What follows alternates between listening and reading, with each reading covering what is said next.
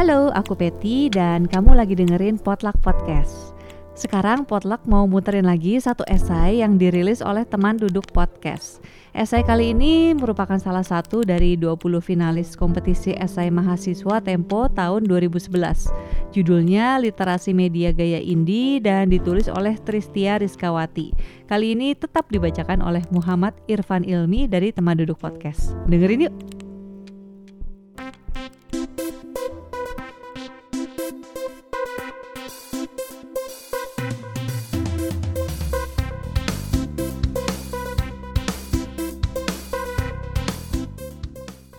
Literasi Media Gaya Indie oleh Tristia Rizkawati.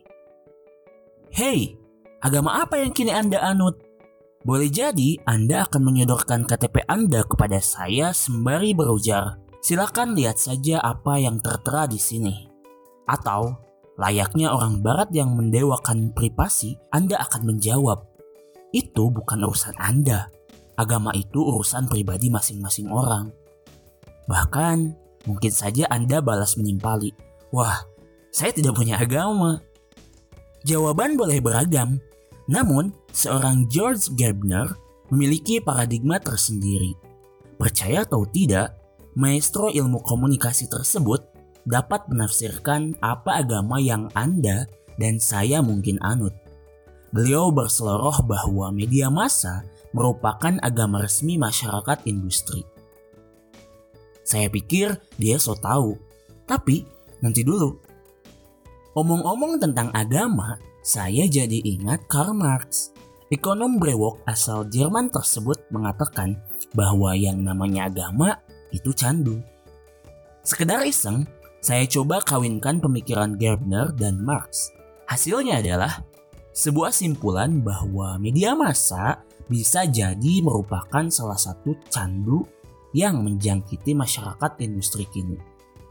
Hmm, benarkah media massa telah menjelma semodel agama seperti kata Gerbner? Jikalau ya, apakah benar agama jenis ini merupakan candu memabukkan? Kita butuh fakta dan saya punya beberapa. Beberapa dari Anda mungkin masih ingat jajaran fenomena yang saya paparkan.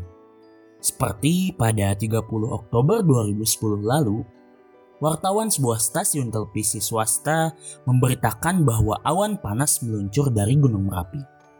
Sontak saja, warga yang tinggal di sekitar Merapi pun geger dibuatnya. Saking gemparnya, sejumlah warga mengalami kecelakaan. Bahkan, satu orang dikabarkan tewas. Padahal, Merapi hanya membatukan hujan abu. Jika benar telah diberitakan terdapat awan panas, tentunya wartawan tersebut telah rampung riwayatnya. Saya pikir ini konyol. Anda mungkin pernah mendengar tewasnya seorang anak lelaki dengan cara yang tidak biasa. Ia tewas akibat berkelahi dengan temannya. Ini terjadi setelah mereka menonton tayangan gulat di televisi. Terinspirasi dengan laga tarung para pegulat, Akhirnya kedua anak tersebut unjuk gigi mempraktikannya.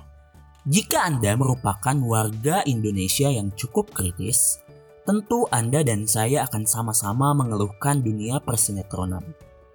Sinetron masa kini gemar menggambarkan kehidupan mewah. Sering kita disuguhkan konflik tiada berkepanjangan.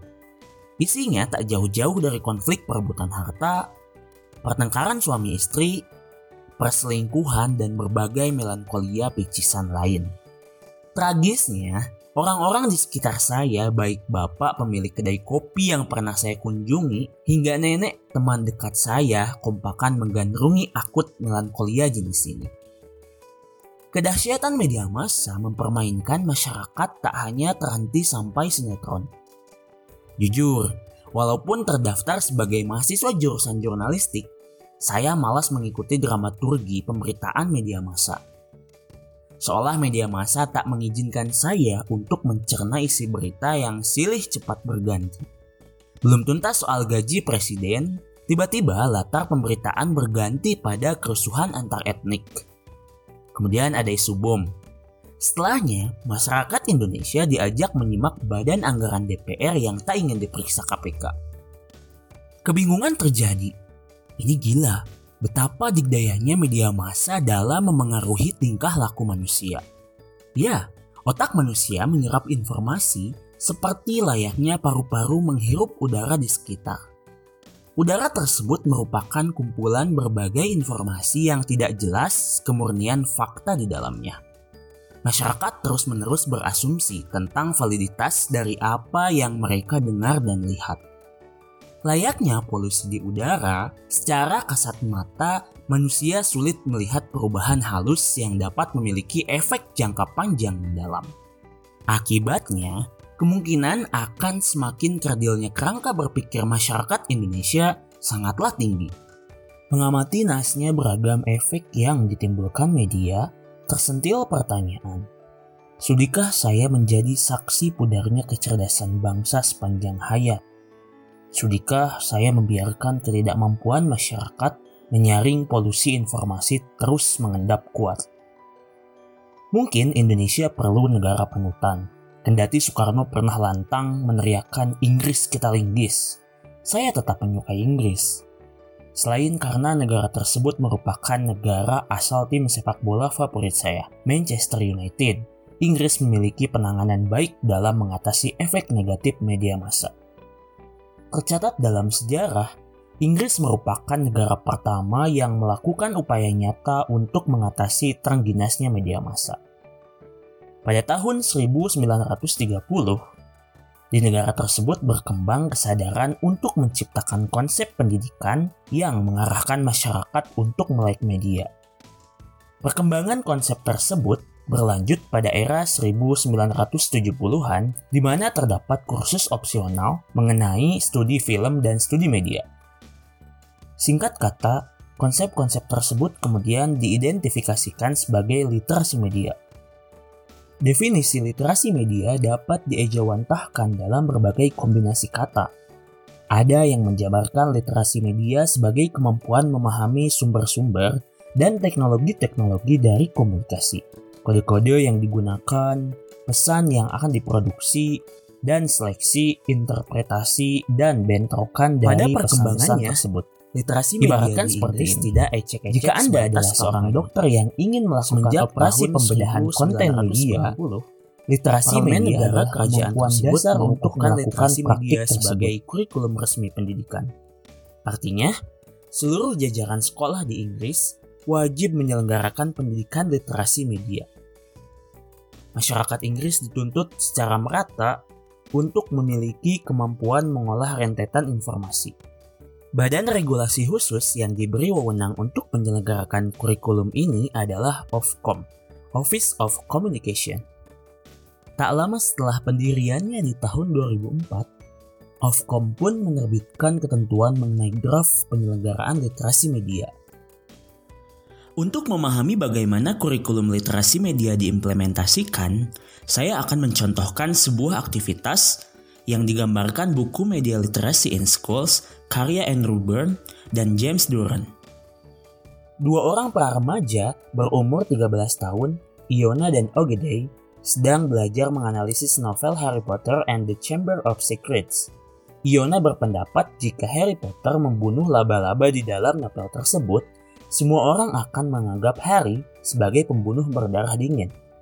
Ogedei balas menimpali dengan mengemukakan pandangan bahwa Harry seharusnya menggunakan mantra yang lebih baik. Dapat Anda lihat, dalam proses analisis di atas, Iona dan Ogedei tidak lantas setuju apa yang tertera dalam novel. Mulanya memang mereka mencatut isi novel. Kemudian, berdasarkan kerangka berpikir masing-masing, mereka menyimpan asumsi tersendiri bagaimana seharusnya isi novel tersebut. Selain menganalisis novel anak-anak seperti tadi, sudah tentu terdapat aktivitas-aktivitas yang lebih kompleks dalam menganalisis konten media. Namun, bagi saya percakapan antara Iona dan Ogede merupakan representasi sederhana bagaimana pendidikan literasi media dapat membentuk pola pikir kritis masyarakat. Setelah jauh-jauh merantaukan wawasan ke negeri orang, saya pun ingin memahami bagaimana geliat literasi media di Indonesia.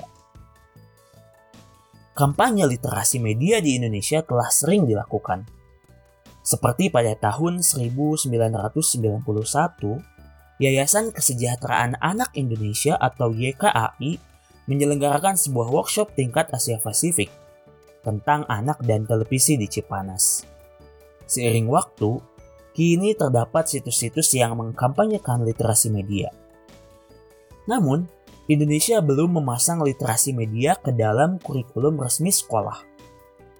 Beberapa pihak mengklaim kendalanya adalah kurangnya jumlah guru terlatih dan padatnya kurikulum lokal.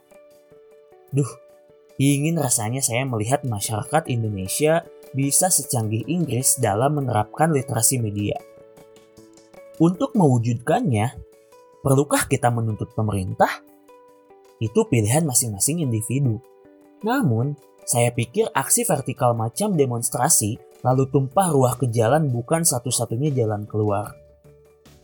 Ternyata, kegiatan-kegiatan kognisi sederhana tak bertitel literasi media yang pernah saya lakukan dapat menumbuhkan sifat kritis. Sangat beruntung tugas-tugas kuliah saya tidak melulu dihatamkan melalui sebuah ritual klasik kopi lalu tinggal paste. Terdapat dosen berkualitas yang menugaskan mahasiswanya menganalisis sebuah buku dengan menggunakan buku lain.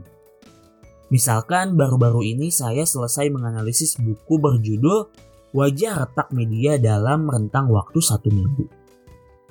Untuk menganalisis buku tersebut, saya diwajibkan menggunakan buku-buku lain sebagai pisau analisis. Jadi, argumen pribadi yang akan kita cantumkan tidak seenak udel akan tetapi berlandaskan kumpulan data yang telah teruji. Dosen saya yang lain cukup pintar menyiasati agar mahasiswanya tidak sekedar copy paste dalam tugas menugas. Beliau memberi saya dan teman-teman beberapa referensi buku wajib yang harus tercantum dalam tugas. Tidak hanya sekedar menyedur buku, kami juga wajib memberikan analisis singkat berupa argumentasi mengenai penjelasan dari referensi. Kami belajar untuk kritis terhadap asumsi orang lain, sekalipun asumsi tersebut milik penulis buku penyandang titel S3. Coba bayangkan jika setiap dosen memiliki pola pikir seperti ini. Bagaimanapun, Kegiatan analisis lewat penugasan-penugasan tersebut seyogianya tidak kandas dalam kertas yang diberikan pada dosen.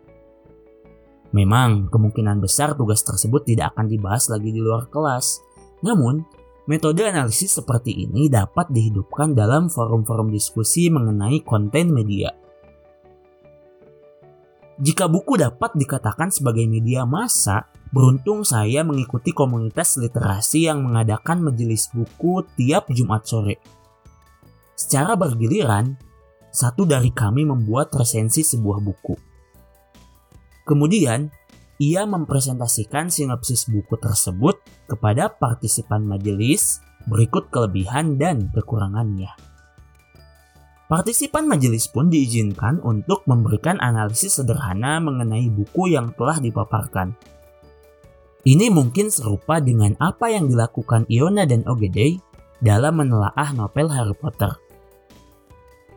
Selain saya, terdapat beberapa teman yang memiliki forum diskusi tersendiri. Walaupun tidak pernah turut serta dalam asiknya diskusi, saya diberitahu bahwa sering kali mereka mengkaji fenomena kekinian seperti kasus Wikileaks dan resapel kabinet. Sumbernya pun berasal dari koran maupun liputan televisi. Akhirnya saya mawas diri. Betapa mujurnya diberi kesempatan menjadi mahasiswa yang dilingkupi berbagai tugas analisis serta memiliki teman-teman yang gemar berdiskusi. Apa-apa yang saya alami saat ini merupakan potensi untuk mengkritisi lebih jauh lika-liku pemberitaan media. Saya pun berpikir, Sembari menunggu pemerintah membereskan urusan rumah tangganya, kemudian sadar diri untuk mencanangkan kurikulum literasi media, mengapa memilih diam berpangku tangan tak melakukan sesuatu? Tak usah pusing-pusing menempa kurikulum literasi media super rumit. Nyatanya, kajian literasi media ala DIY, do it yourself, dapat dimulai dari lingkup paling dekat dengan kita. Ini literasi media gaya indie, independen, mandiri. Hey, mungkin saya dapat menularkan kekritisan saya dengan mengajak kedua adik kecil saya untuk menelaah kartun SpongeBob SquarePants. Saya akan mengemukakan pada mereka bahwa lelucon macam cium pantat saya bukanlah candu verbal yang harus mereka konsumsi. Dan sayur lodeh jauh lebih sehat dibanding satu porsi Krabby Patty. Sedangkan Anda mungkin dapat mengumpulkan sejumlah ABG, anak baru gede di lingkungan dekat rumah, untuk menelaah konten majalah yang model-modelnya kurus minta ampun. Kemudian, anda akan berkata pada mereka bahwa panduan make up trend 2011 dalam majalah tersebut bukanlah kitab suci yang wajib dipatuhi. Eh, atau punya gagasan lain?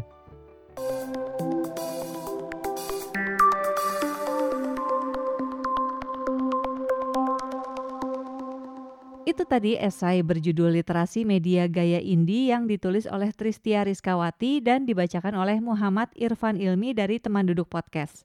Kalau kamu mau tahu lebih lanjut tentang Teman Duduk Podcast, bisa langsung follow di Spotify dan Instagram namanya sama Teman Duduk Podcast. Dan kalau kamu menikmati konten yang ada di Potluck Podcast, support kami juga dong dengan follow dan subscribe di Spotify, SoundCloud, YouTube, dan platform podcast lainnya. Follow juga ya Potak Podcast di Instagram buat tahu informasi tentang episode terbaru yang akan tayang dari channel-channel podcast yang ada. Akunnya di @potlakpodcast, P O D L U C K podcast. Sampai jumpa. Dadah.